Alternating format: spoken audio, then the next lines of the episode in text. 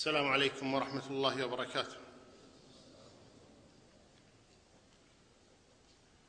بسم الله الرحمن الرحيم. الحمد لله رب العالمين والصلاة والسلام على المبعوث رحمة للعالمين نبينا محمد وعلى آله الطيبين وأصحابه الميامين. أما بعد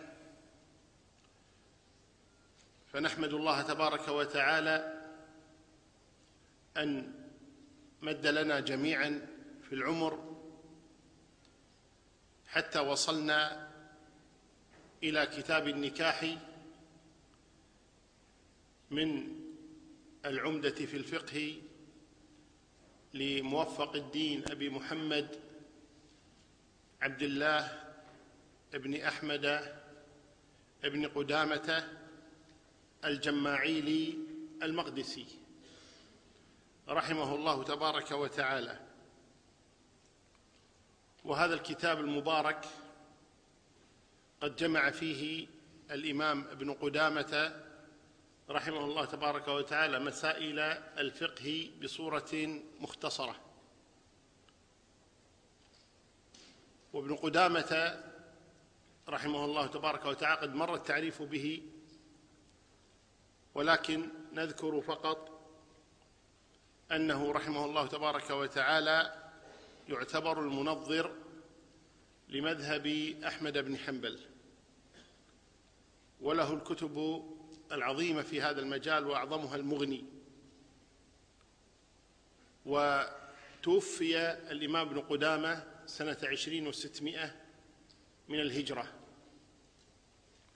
ونحن في هذا اليوم نبدأ بكتاب النكاح من كتاب العمدة في الفقه لابن قدامة رحمه الله.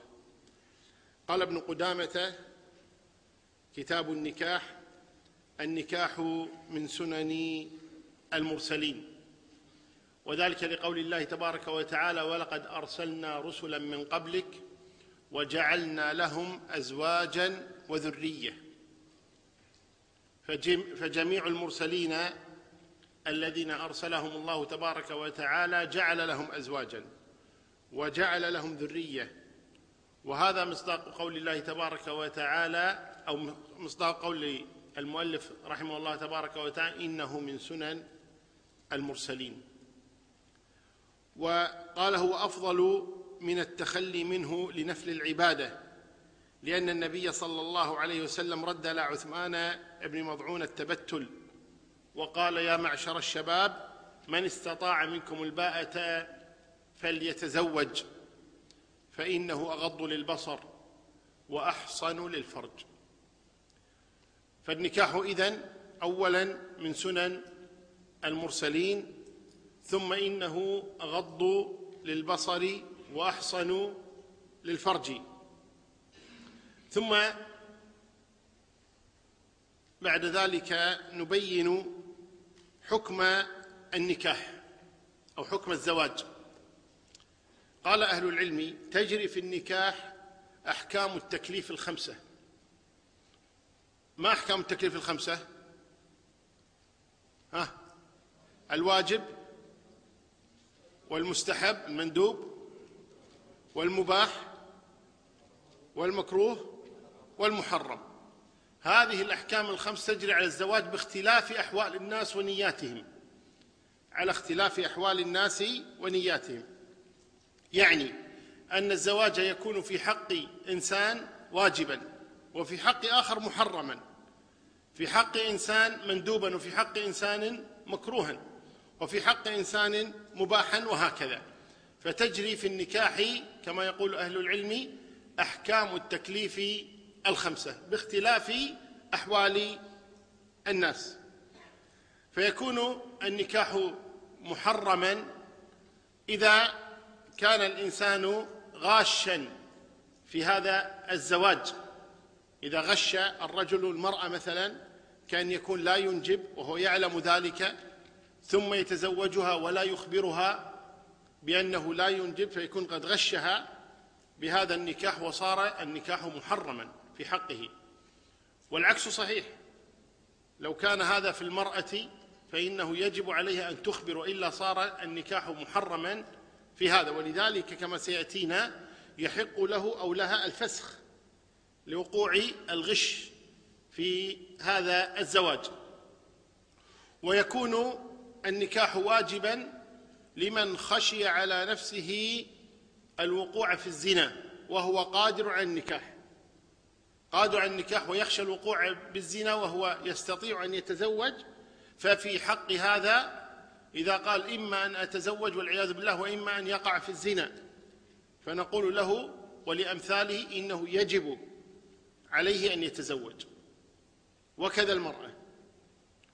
ويكون مستحبا في الأصل هذا الأصل. الأصل في النكاح أنه مستحب هذا الأصل في حكم النكاح. ولذلك جاء في الحديث تزوجوا الودود الولود. تزوجوا. ونهى عثمان بن مظعون عن عن التبتل فالأصل أن الزواج الأصل فيه الاستحباب. هذا هو الأصل في حكم النكاح. ويكون مكروها إذا كان بقصد الإضرار. وهذا قد يحدث من بعض الناس. قد البعض يستغرب هذا لأنه هو لا يفعل هذا لكن غيره يفعل. بعض الناس قد يتزوج بقصد الإضرار. رجلا كان أو امرأة. فهذا يكون مكروها أو قد يصل إلى درجة التحريم. وكذلك التعداد. وسيأتي إن شاء الله تعالى الكلام عن التعداد. يعني الزواج بالثانية والثالثة والرابعة قد يكون أو يكون مكروها لمن خشي أن لا يعدل. من خشي أما من علم أنه لن يعدل فهذا يكون في حقه محرما. أما من كان يخشى أن لا يعدل فيكون في حقه مكروها. وأما من علم أنه يعدل فإنه يكون مباحا. ومن علم أنه يعدل وهناك حاجة للزواج فيكون هنا في حقه مستحبا. وأما أن يكون النكاح مباحا فلمن لا يخشى على نفسه الوقوع في الزنا ولا آه، يعني يجد في نفسه ميلا إلى النساء ولا يريد أن يمتنع منه مطلقا فإنه يكون مباحا في حقه أن يتزوج يعني أو يؤخر الزواج. المهم أن يكون الزواج في حقه مباحا لا يكون مستحبا وإنما يكون مباحا في حقه. فهذه الأحكام الخمسة المتعلقة بالزواج. إذن الوجوب والاستحباب والإباحة والكراهة والتحريم. على نظر لبعض أهل العلم في مثل هذه المسائل. قال المؤلف رحمنا الله وإياه وإياكم ومن أراد خطبة امرأة خطبة بكسر الخاء والخطبة بضم الخاء خطبة الجمعة من الخطب التي يخطبها الناس الارتجال في الكلام أو غير ذلك خطبة. وأما بالنساء يقال لها خطبة بكسر الخاء. قال ومن أراد خطبة امرأة فله النظر منها إلى ما يظهر عادة كوجهها وكفيها وقدميها. النظر مباح. يباح للرجل أن ينظر إلى المرأة إذا أراد أن يخطبها. بل ذهب البعض إلى الاستحباب أنه يستحب أن ينظر إليها لقول النبي صلى الله عليه وسلم لجابر هل لا نظرت إليها؟ هل لا نظرت؟ هذا حث من النبي صلى الله عليه وسلم لأن ينظر. فالنظر إذن مستحب أن ينظر الرجل إلى المرأة إذا أراد أن يتزوجها. ولكن ذكر أهل العلم أن هذا النظر مقيد. بشروط أن هذا النظر مقيد بشروط يجب على المسلم أن يتنبه لها وأن يتبعها. أولا أن يكون هذا النظر بلا خلوة. لقول النبي صلى الله عليه وسلم ما خلا رجل بامرأة إلا كان الشيطان ثالثهما أو ثالثهما. فيكون النظر بلا خلوة بل بحضور آخرين سواء كانوا من المحارم أو غير المحارم. المهم أن لا تكون خلوة. الشرط الأول أن لا تكون خلوة بين الرجل والمرأة. الشرط الثاني أن يكون النظر بلا شهوة. لا يذهب لينظر تشهيا وإنما يذهب لينظر ليعرف هل تميل نفسه إليها أو لا تميل نفسه إليها. ولا ينظر إليها تشهيا وإنما ينظر إليها نظر إباحة زواج وهكذا لأنها الآن لا تحل له. فلا يجوز له أن ينظر لها نظرة شهوة. الشرط الثالث أن يغلب على ظنه الإجابة. أما إذا كان متيقنا أنهم سيردونه ثم يقول أنا سأذهب وأراها. طيب ما راح يقبلونك زوجا أنت؟ قال ولو. ما خسرانين شيء خلنا نشوف. شو خلنا نشوف؟ شو سيارة. ما يصير خلنا نشوف. فإذا كان يغلب على ظنه أنهم لن يقبلوه زوجا لها فلا يجوز له أن ينظر لأن النظر هنا صار عبثا. صار عبثا لا معنى له. فإذا إنما ينظر إذا كان يغلب على ظنه أنهم يوافقون على هذا الزواج. الأمر الرابع أن يكون عازما على الزواج. أن يكون عازما على الزواج. يعني ما يصير واحد مثلا ما نية يتزوج. يجي واحد يقول ليش ما تتزوج قال والله ما ما أريد أن أتزوج الآن يمكن بعد سنتين أنا. قال زين روح شوف لك واحدة يمكن تلقى لك واحدة تعجبها تعجبك ولا شيء. قال ما ما أفكر أتزوج. قال ولو شوف شوف ما تخسر شيء. ما تخسر شيء. لا يخسر شيء شو ما يخسر شيء. فهنا لا يجوز إلا أن يكون هذا النظر وهو عازم على الزواج. لا مجرد إيش؟ التلصص على الناس أو رؤية بنات الناس بدون عزم على الزواج. يعني يذهب مثلا ينظر إليها ثم بعد ذلك يقول لا والله أنا ما لي نية أتزوج الآن. طيب لماذا نظرت إليها إذا لماذا نظرت إليها؟ فإذا لابد أن يكون عازما على الزواج. الشرط الخامس أن, أن ينظر إلى ما يظهر غالبا فقط. أن ينظر إلى ما يظهر غالبا. واختلف أهل العلم في تحديد ما يظهر غالبا. كما ترون أن المؤلف ابن قدامة رحمه الله تبارك وتعالى اختار الوجه والكفين والقدمين. بعض أهل العلم قد يزيد على ذلك النظر إلى الشعر أو بعضهم قد يزيد على ذلك ما يرى منها عادة كالرقبة أو الساعد أو الساق أو ما شابه ذلك من الأمور.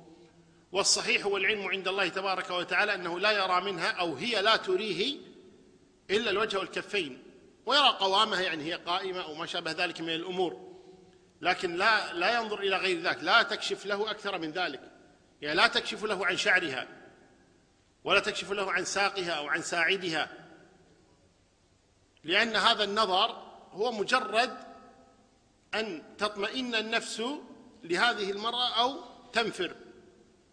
وكذا الأمر بالنسبة للمرأة. فالقصد أنه لا يرى منها الصحيح إلا الوجه والكفين فقط. لا يرى منها إلا الوجه والكفين. فإذا كانت مكشوفة القدمين مثلا بدون جورب مثلا مكشوفة القدمين فإن شاء الله أن هذا لا بأس به ولكن لا تحرص على كشفه. وإنما تحرص على كشف الوجه والكفين فقط حتى يرى. ولا ينبغي التشدد هنا ولا ينبغي التشدد هنا عند البعض بأنه لا, لا يمكن الخاطب من رؤية موليته بحجة أن العادات والتقاليد تمنع من ذلك. حتى إنه حدثني أحدهم أنه ذهب يخطب فتاة في إحدى البلاد. فدخل على البيت وطرق الباب المهم طرق الباب ثم دخل باستئذان طبعا أذن له أبوها.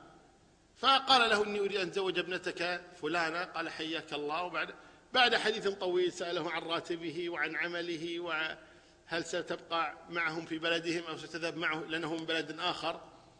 في نهاية الأمر قال هذا الخاطب لولي المرأة قال له أريد أن أراها. قال نعم. قال أريد أن أراها قبل أن أتزوجها. قال ما عندنا بنات تراه. قال هذه سنة الرسول صلى الله عليه وسلم وأن ينظر إليها. قال سنة الرسول على رأسي. لكن ما عندنا بنات تراه أنا ماني عارف كيف سنة الرسول على رأسي ماني فاهم. قال سنة الرسول صلى الله عليه وسلم على رأسي ولكن ما عندنا بنات تراه تفضل اقلب الباب وطرده. قال ما راح نزوج خلاص انتهى الأمر. فالقصد إذن أنه يرى ما يظهر منها غالبا السادس شرط السادس أن لا تكون هي متبرجة. أن لا تكون متبرجة سواء بلباسها أو برائحتها أو غير ذلك لأنه ما يزال أجنبيا. هذا الرجل أجنبي بالنسبة لهذه المرأة. فالأصل إذن أن يكتفي برؤية وجهها وكفيها ثم بعد ذلك يقرر إن أرادها أو لم يردها. والنظر ليس خاصا بالرجل.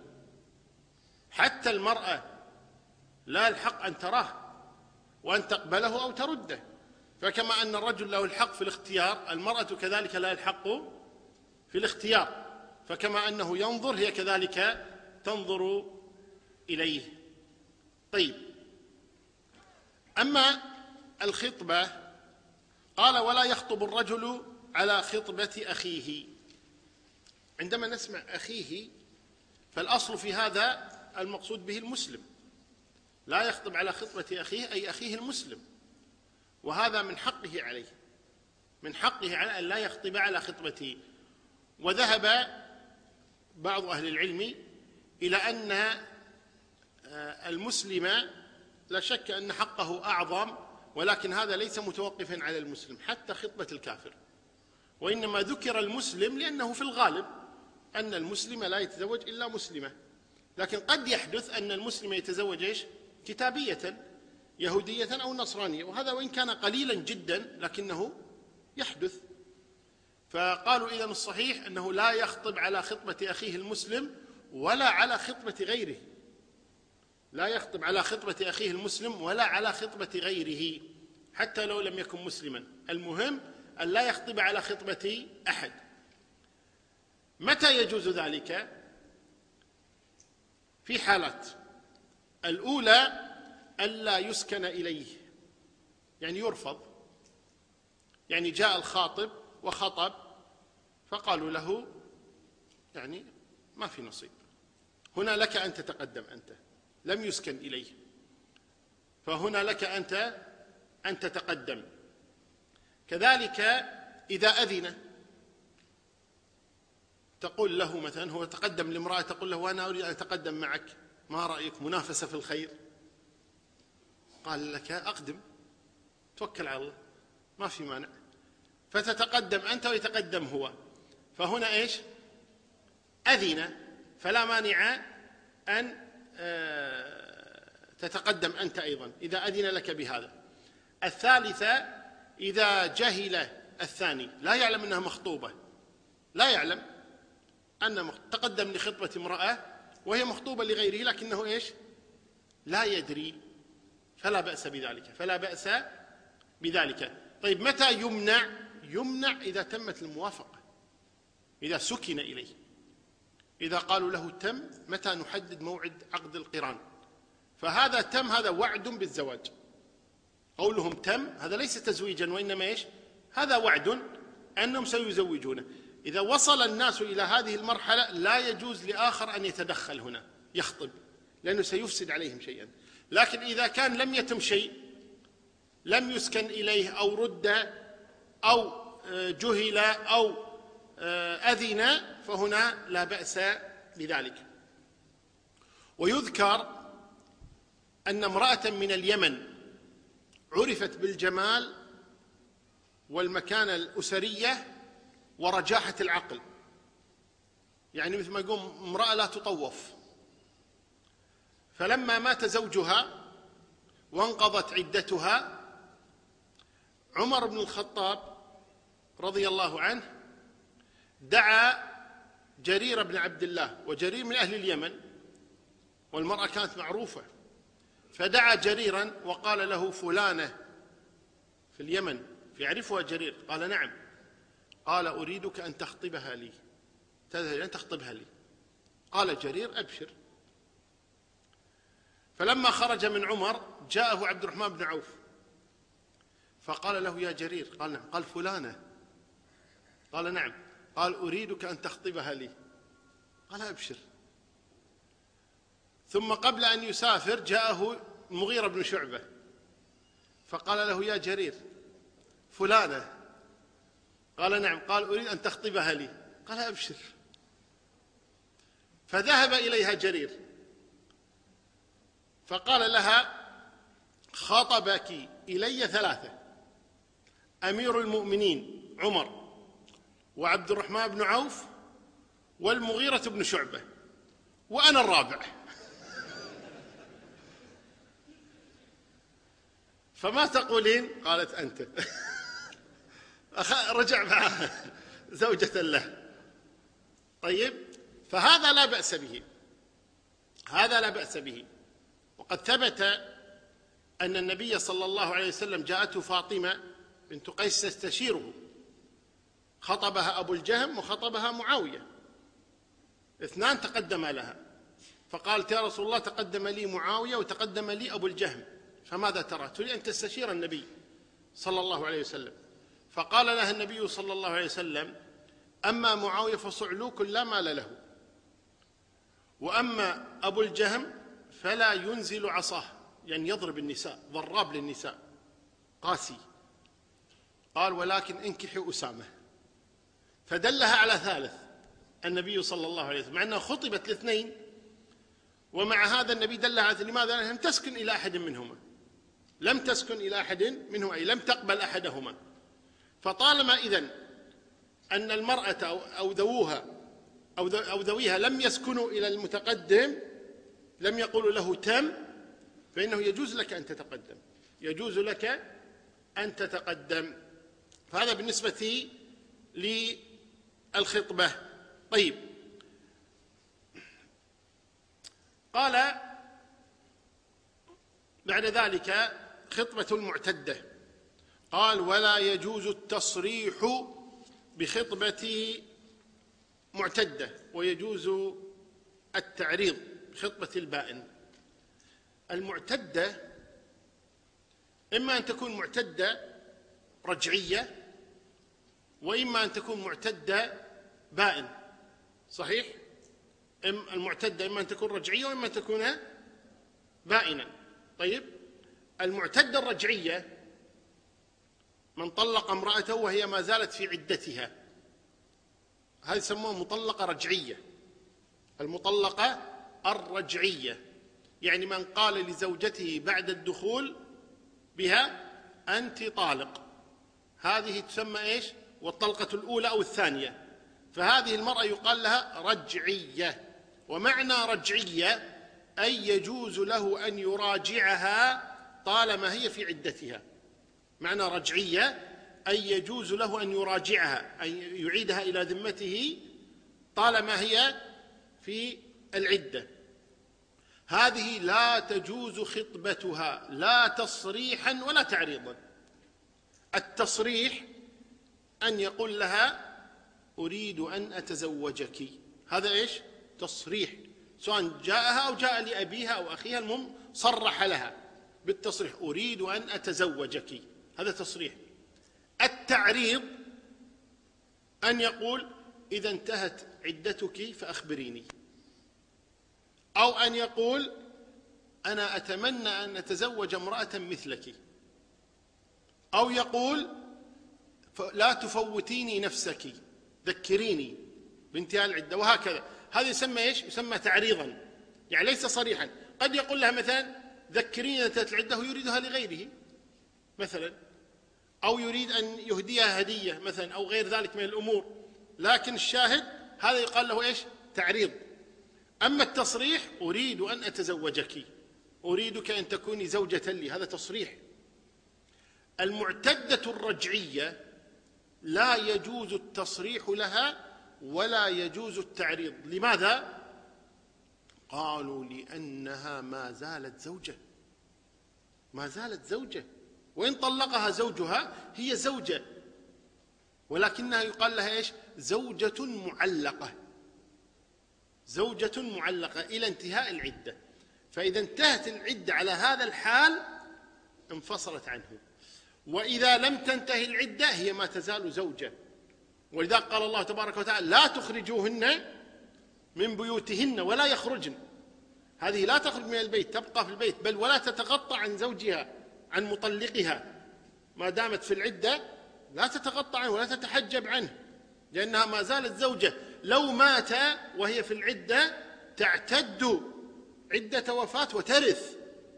ولو ماتت وهي في العدة يرثها. إذا المطلقة الرجعية هي إيش؟ ما تزال زوجة. ولذلك لا يجوز خطبتها. يعني مثل واحد يروح لزوجة واحد صديق ما طلقها ويقول له إيش؟ يقول لها تقبليني زوجا؟ هي متزوجة وعندها زوج ما طلقها. وش رأيك؟ متزوجة واحد جاها وقال لها تقبليني زوجا؟ وهي متزوجة.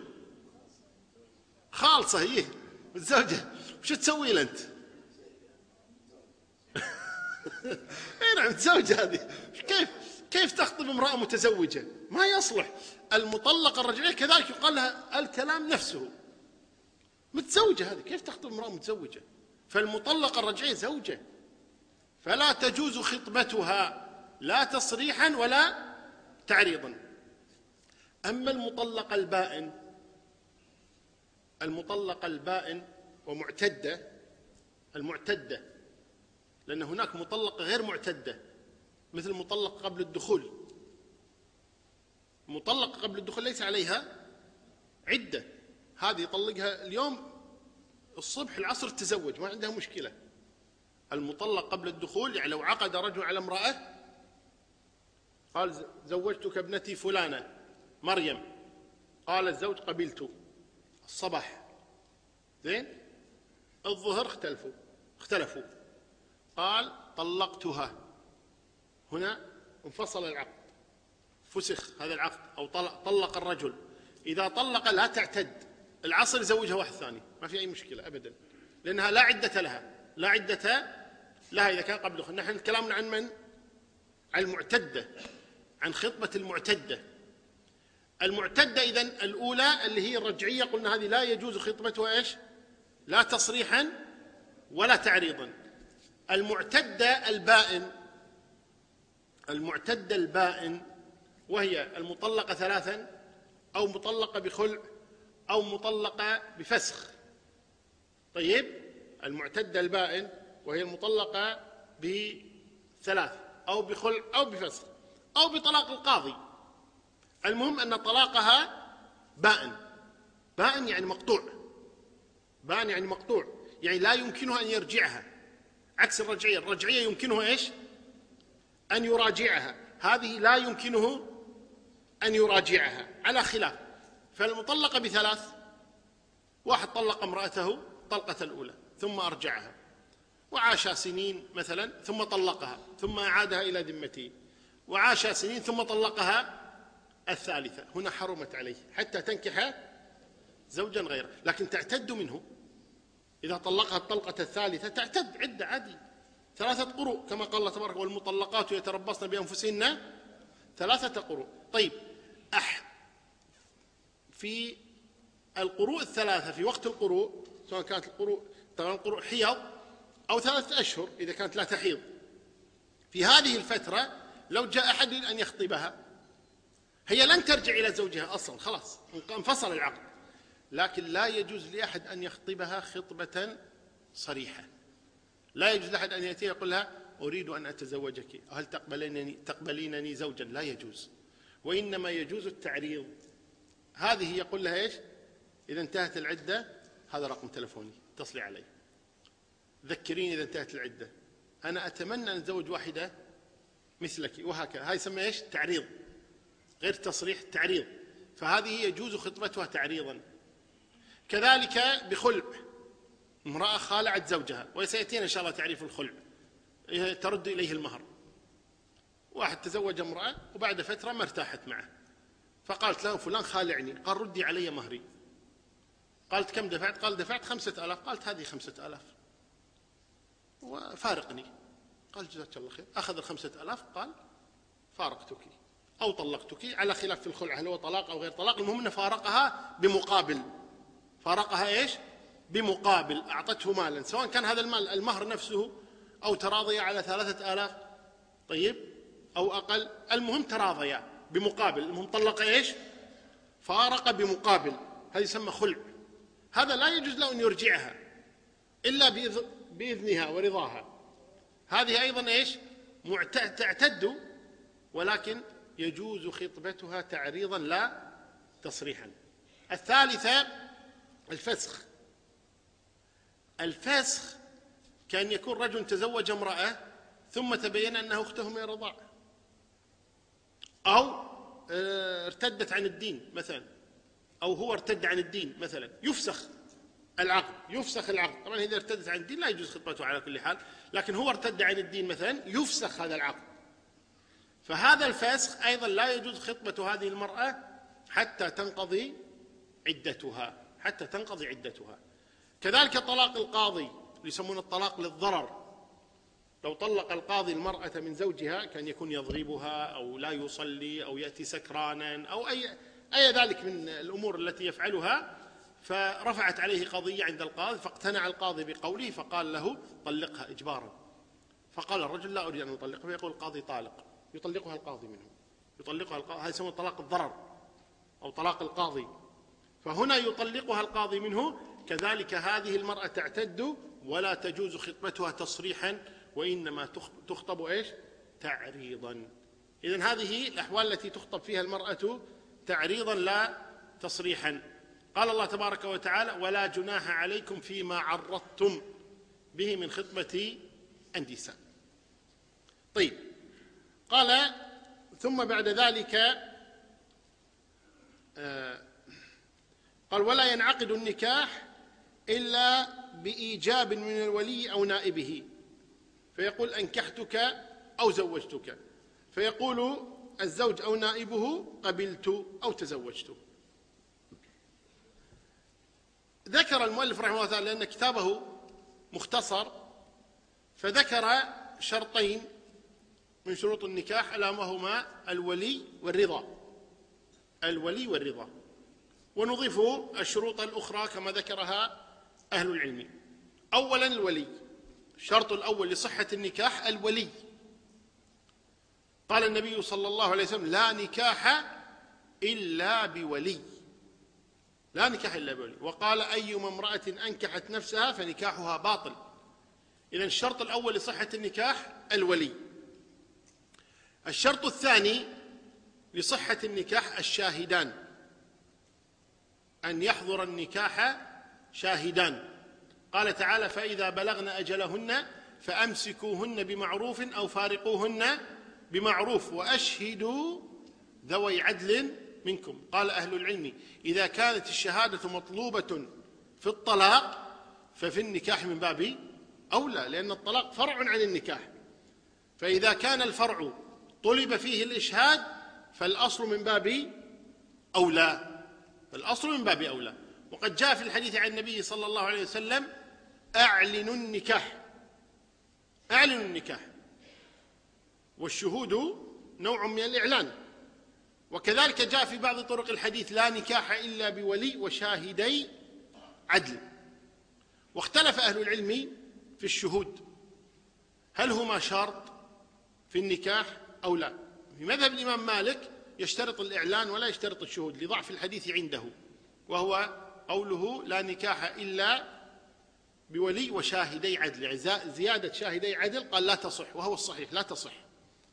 زيادة شاهدي عدل غير صحيحة. وإنما الحديث الصحيح عند قوله لا نكاح إلا بولي. ويبقى الحديث الصحيح أعلن النكاح. فالصحيح أنه لا يشترط وجود شاهدين وجود شاهدين وإنما يشترط إعلان النكاح أن يعلن النكاح. لا يجوز نكاح السر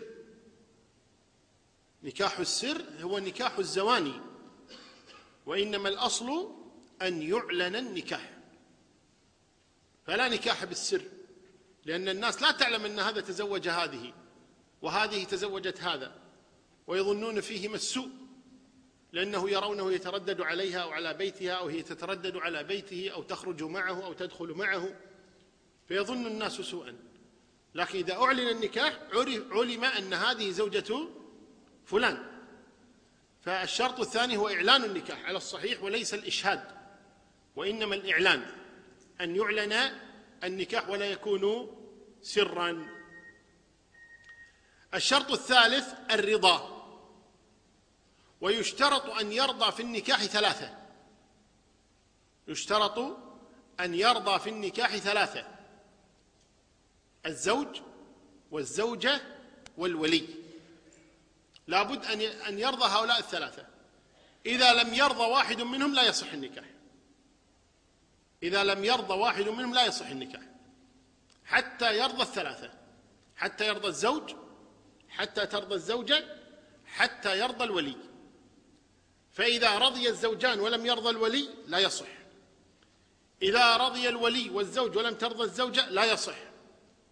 إذا رضي الولي ورضيت الزوجة ولم يرضى الزوج لا يصح. فلا بد أن يجتمع رضا هؤلاء الثلاثة وسيأتينا تفصيل في ذلك وهو نكاح الصغار. يعني أن ينكح الرجل ابنته الصغيرة التي لا لا إذن لها. لأنها لا تعقل مثلا. ولكن الصحيح حتى هذه يشترط رضاها. وسيأتينا إن شاء الله تعالى الكلام في ذلك. يشترط رضاها إذا كبرت وعقلت لها أن تفسخ النكاح إذا لم ترضى. لها أن تفسخ النكاح إذا لم ترضى وإنما يقبل رأي أبيها في ذلك الوقت لعدم رأيها. فمتى ما صار لها رأي فإنه يشترط رضاها. نعم. الشرط الرابع التعيين. التعيين. يعني لا يصح ابدا أن يقول رجل لرجل زوجتك ابنتي فيقول الرجل قبلت وله أكثر من بنت لم تتزوج. مثلا عنده ثلاث بنات فيقول زوجتك ابنتي ما يصح هذا العقد لابد أن يحلف. ابنتي فلانة ابنتي نورة ابنتي حصة ابنتي منيرة ابنتي خالدة وهكذا. أن يحدد اسم البنت التي إلا إذا كان له بنت واحدة مثلا لم تتزوج أو ما, ما ليس له إلا هذه البنت فيقول زوجتك ابنتي أو زوجتك أختي فيصح لأنها لا يوجد غيرها. المهم لابد تعين. لأنه قد يحدث ماذا؟ أن يقول له زوجتك ابنتي ثم بعد ذلك يفاجئه بأنه إيش؟ جاءه بغيرها. فيقول ما هذه؟ ليست هذه التي تزوجتها. وإنما طلبت أنا أخرى. قال له أنا قلت لك زوجتك ابنتي وأنت رضيت. فيحدث إيش؟ الخصام والخلاف بين الناس. طيب هذا لأجل ماذا؟ يجب أن تحسم المسألة من الأول ويقال إيش؟ من هو الزوج ومن هي الزوجة؟ فإذا لابد أن يعين الزوج ولا بد أن تعين الزوجه حتى الزوج. لا يصح مثلا يقول له زوجتك ابنتي فلانة لأحد أولادك. فيقول الولي مثلا يقول قبلت. يعني نيابة عن أولادي. مثلا أولاده أنا أبوه. يقول قبلت نيابة عن أولادي. لا يصح. لابد أن يعين الزوج. إذا لابد من تعيين الزوجين. فلان وفلانة بأسمائهما أو بما يعرفان به. المهم أن يعين الزوجان. هذا شرط لابد منه. كم الساعة الآن؟ خمس إلا خمس؟ خمس. طيب إذا لابد من التعيين وهذا هو الشرط الرابع. الشرط الخامس انتفاء الموانع. انتفاء الموانع. أن لا يكون هناك مانع من تزوج هذا بهذه. أن لا تكون من محارمه. أن لا تكون محرمة عليه بالنسب أو بالسبب كما سيأتي إن شاء الله تعالى ذكر المحرمات. أن لا تكون مثلا مجوسية أو هندوسية أو بوذية أو ملحدة وهو مسلم. أن لا يكون كتابيا وهي مسلمة. أن لا تكون زانية لم تتب. المهم سيأتينا إن شاء الله تعالى اللي هي المحرمات.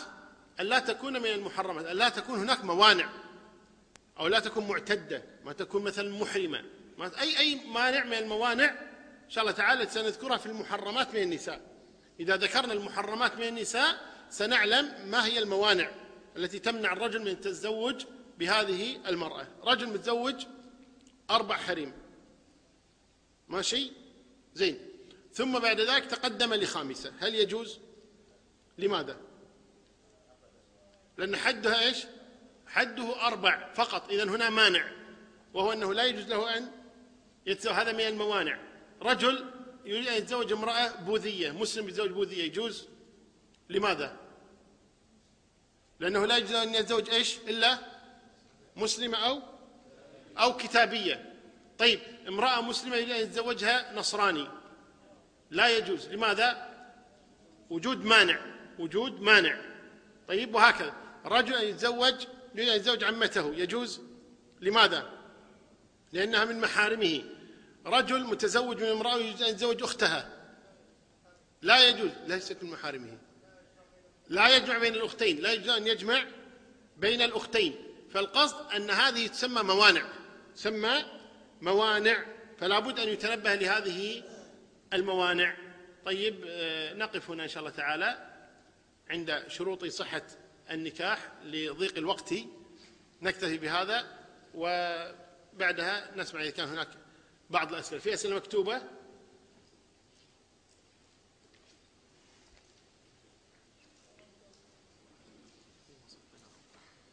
سم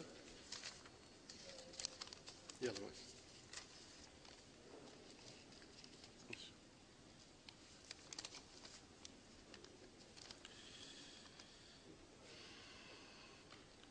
يقول جاء في الحديث فلينظر إلى ما يدعوه إلى نكاحها. قال وهذا عام في النظر فما الدليل على تقييد الرؤية بالوجه والكفين؟ نعم هناك من قال إنه ينظر إلى ما يدعوه إلى نكاحها مطلقا دون تحديد يعني أشياء معينة. لكن نحن نتكلم عن ما تمكنه هي من رؤيته. يعني لا تخرج له مثلا متبرجة آه، بحجة أنه ما يدعوه إلى نكاحها. وإنما هذه قال بها بعض أهل العلم قال يدعوه إلى نكاحها دون علمها لا دون رضاها. فهي لا تكشف له إلا الوجه والكفين أبدا. ولم يقل أحد من أهل العلم حسب علمي أنها تتبرج له وتخرج له كما تخرج لنسائها أبدا. وإنما قال بعضهم أنه إلى ما يدعوه إلى نكاحها دون علمها لا بعلمها. نعم. ومع هذا آه هذه المسألة فيها نظر يعني. يقول هل الأخ يعتبر وليا لأخته وله أعمام من الرضاع؟ على كل حال هذا سيأتينا في الأولياء من هو الولي لكن العم من الرضاع ليس وليا. العم من الأولياء لا بد أن يكونوا من النسب. الأولياء لا بد أن يكونوا من النسب. العم من الرضاع ليس وليا. ثم حتى لو العم موجود الأخ آه، مقدم على العم. الأولياء بنو أبوة بنوة أخوة عمومة. أبوة بنوة أخوة عمومة. هذا الترتيب. فالأخ مقدم على العم حتى لو كان من العم شقيقا من أب وأم. بل ابن الأخ مقدم على العم. لكن على كل حال هنا بالنسبة للعم من الرضاع ليس وليا قطعا. طيب. يقول صورة الفسخ كيف؟ فسخ خلاص نعتبر النكاح باطل خلاص هذا الفسخ. يعني واحد زوج امرأة ثم بعد تبين أنها أخته من الرضاعة أو عمته أو خالته أو ابنة أخيه أو ابنة أخته المهم بينهما رضاع. بس خلاص تروح بيتهم ويروح بيته خلاص انتهى العقد. ما يحتاج يطلق لأن الطلاق أصلا لا يقع. لا يقع لأن ليس بينهما زواج أصلا. فيعتبر يعتبران غير زوجين أصلا. فهذا الفسخ الفسخ كله يروح بيتهم. بس. كيف يكون تجديد العقد؟ ما في تجديد عقد. خلاص فسخ ما في تجديد عقد. إذا سقطت طائرة في جزيرة ومات الركاب إلا رجل وامرأة فماذا يفعل الرجل؟ خلاص إذا طاحت علمنا.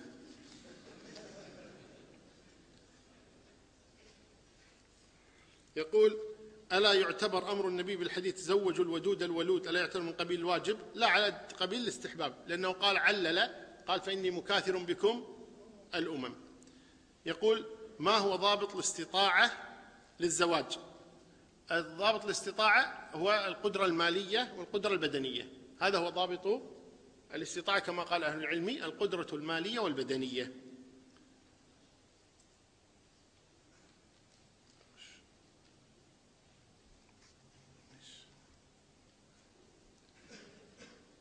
حكم النظر للمرأة عبر النت عند التعذر النظر الشرعي. يعني البعض قال بجواز النظر إلى الصورة إذا كان جادا يعني في طلب الزواج أنه ينظر إلى الصورة إذا تعذر النظر. ولكن قضية تعذر النظر هذه يعني أنا أرجو أن يتوقف فيها يعني. يعني ما إذا تعذر يقينا أما مجرد أن تعذر والله ما له خلق يروح ولا يظن أو أن ما يسمحون أو كذا لا غير صحيح. يقول ما العلة من عدم التصريح في الخطبة آه، بعد الطلقة الثالثة لأنها ما تزال في عدة حتى لا تصير فوضى لأن الآن خطبة في ناس قاعد يتزوجون معتدات الآن. الآن بعض الناس يتم الزواج من معتدة وهذا خطر عظيم جدا. نعم هذا يقول ما حكم زواج المسيار؟ بعدين إن شاء الله تعالى لما ننتهي من هذا سيأتي إن شاء الله. آه متى تقدم؟ أو من تقدم إلى امرأة ولديه نسبة في الإنجاب واحتمال الزيادة يخبرها. المهم لا يغش يخبرها يقول أنا عندي نسبة في الإنجاب يقول كذا. المهم لا يكون هناك غش للمرأة. يقول ما العرف بين أهل بيت الرجل وآل بيت الرجل؟ أما الفرق بين أهل بيت الرجل وآل البيت؟ لا فرق. أهل البيت وآل البيت سواء. لا فرق بينهما. بل إن بعض أهل العلم باللغة يرون أن آل آه، أو أهل أصلها آل. يعني هي أصل كلمة آل أو أل. ثم خففت الهمزة إلى أهل. فهما واحد إن شاء الله تعالى. يقول هناك في بعض المناطق يجبر أو تجبر الزوجة والزوج أو الزوج للزواج من ابنة عمه وقد تكون الزوجة غير راضية فما الحل؟ لا يجوز. الإجبار لا يجوز. لا يجوز للأولياء أن يجبروا أحدا على نكاح لا يريدونه وعلى الأولياء أن يتقوا الله تبارك وتعالى في هذا الأمر. طيب.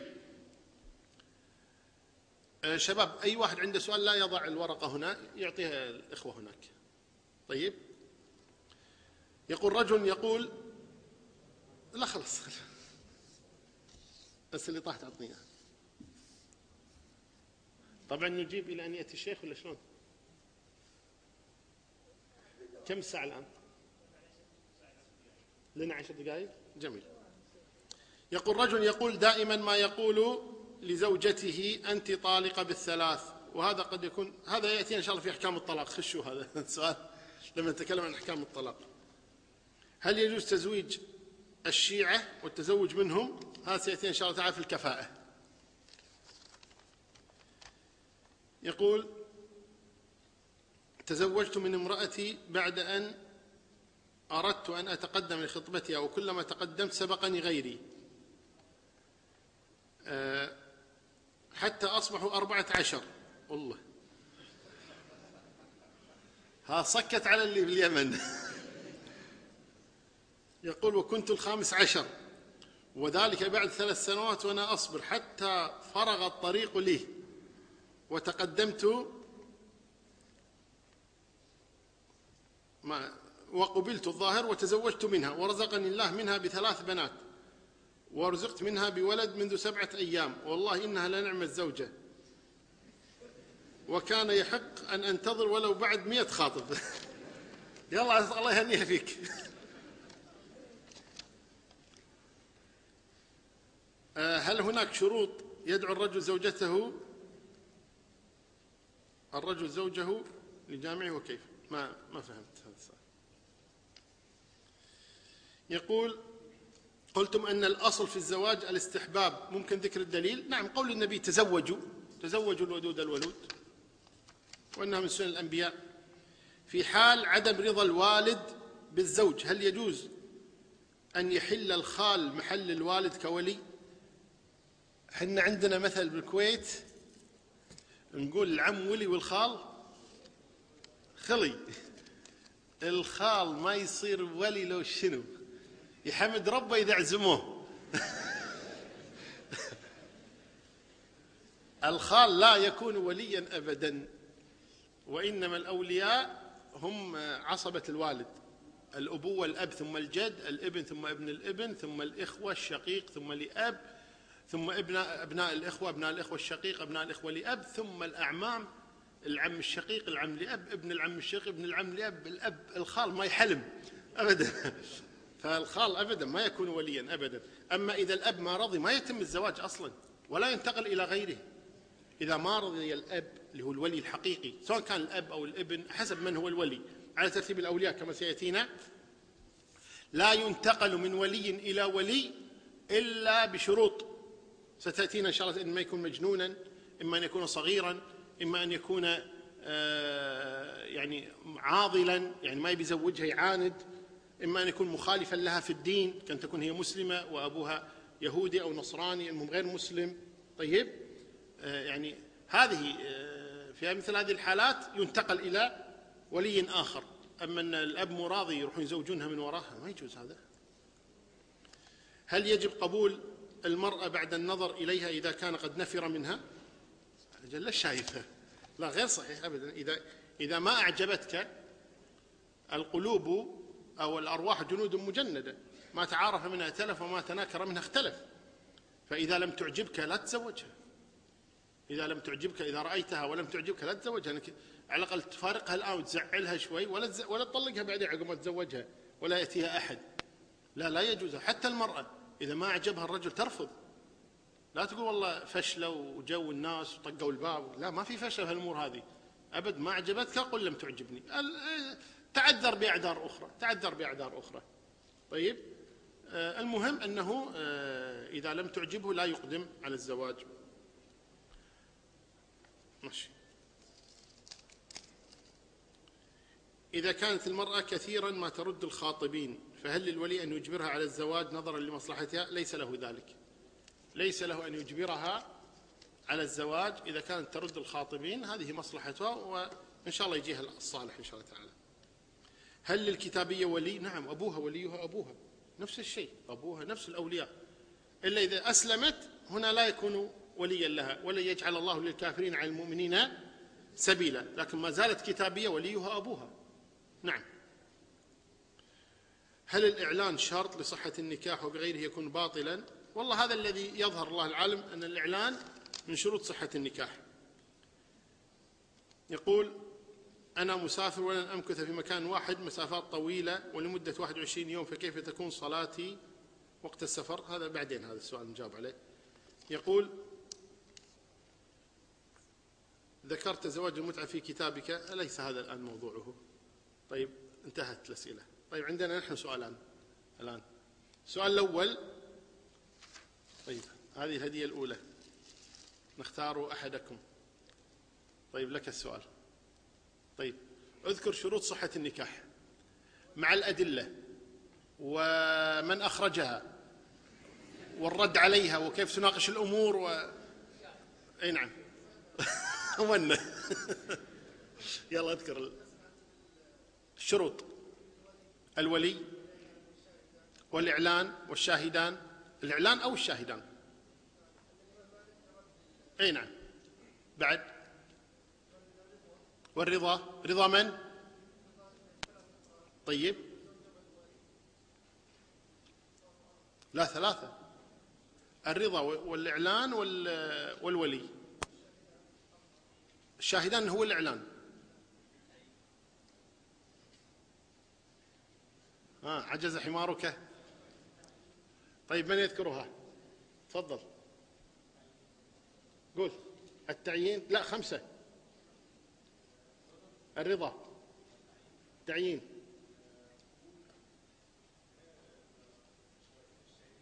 شاهدان. الرضا. يا تفضل. لا قول خمسة. ها ما تبي؟ قول. ها؟ قبول من ثلاثة.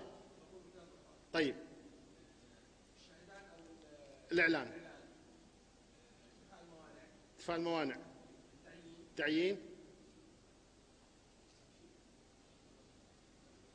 لا تهز رأسك. ما جه. طيب يلا. الولي. الشاهدان والإعلان الرضا. هو الرضا.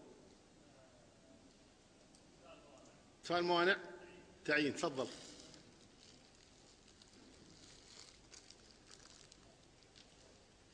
الله ينفع بك. طيب السؤال الثاني. متى يجوز للرجل أن يخطب على خطبة أخيه؟ تفضل. أن لا يسكن إلى الأول؟ أن يأذن الأول؟ إذا جهل الثاني. طيب شلون يأذن الأول؟ شلون يخاطب ويقول اخطبوا معي يصير. أي نعم. أنت ترضى؟ ها؟ قد لا ترضى وقد ترضى. تفضل بارك الله فيك. طيب والله أعلى وأعلم وصلى الله وسلم وبارك على نبينا محمد. الله يسعدك.